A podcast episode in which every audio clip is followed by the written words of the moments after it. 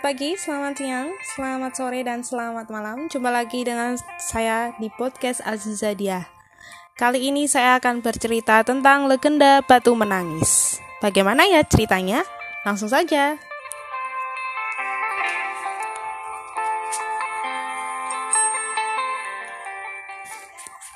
Dahulu kala di sebuah bukit yang jauh dari pedesaan hiduplah seorang janda miskin bersama anak perempuannya.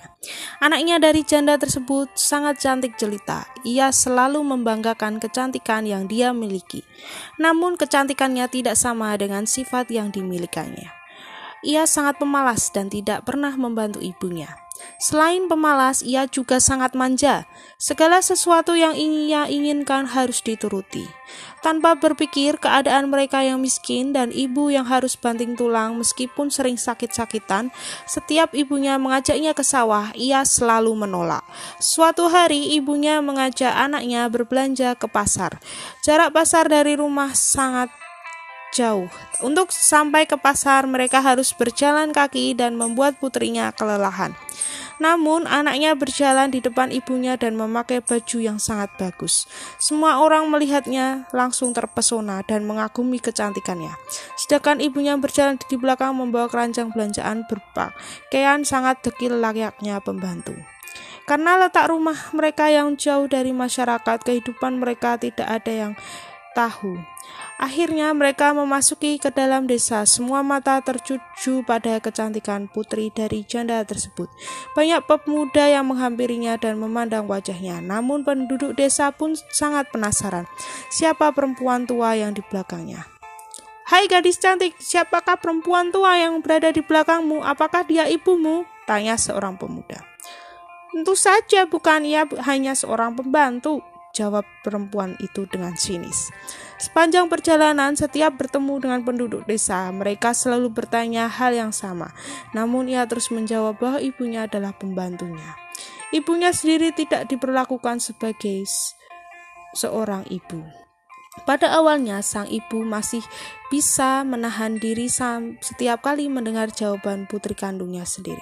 Namun, mendengar berulang kali dari jawaban itu sangat menyakitkan hatinya.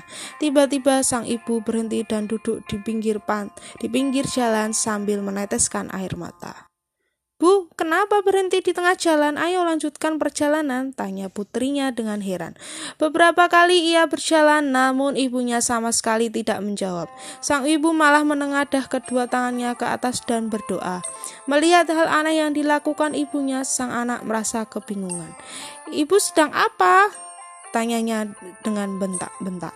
Sang ibu tidak menjawab juga meneruskan doanya untuk menghukum putrinya. Ya Tuhan, ampunilah hamba yang lemah ini. Maafkan hamba yang tidak bisa mendidik putri hamba sendiri, sehingga ia menjadi anak yang durhaka. Hukumlah anak durhaka ini. Doa sang ibu. Tiba-tiba langit menjadi mendung dan gelap, petir mulai menyambar dan hujan pun turun perlahan-lahan. Tubuhnya berubah menjadi batu, kakinya mulai berubah menjadi batu dan sudah mencapai setengah badan. Gadis itu memohon ampun kepada ibunya, ia merasa ketakutan. Ibu, tolong aku. Apa yang terjadi dengan kakiku? Ibu, maafkan aku. Aku janji tidak akan menjadi anak yang durhaka. Gadis tersebut menangis dan memohon, namun semuanya sudah terlambat. Hukuman itu tidak dapat dihindari. Seluruh tubuhnya perlahan menjadi batu. Gadis durhaka itu hanya bisa menangis, menangis, menyesali perbuatannya. Sebelum kepalanya menjadi batu, sang ibu masih melihat air matanya yang keluar. Semua orang yang berada di sana menyaksikan peristiwa tersebut. Seluruh tubuh gadis itu berubah menjadi batu. Sekalipun sudah menjadi batu, namun melihat kedua matanya masih menitikkan air mata, seperti sedang menangis. Oleh karena itu, masyarakat tersebut menyebutnya dengan batu menangis. Batu menangis tersebut masih ada sampai sekarang. Nah, begitulah.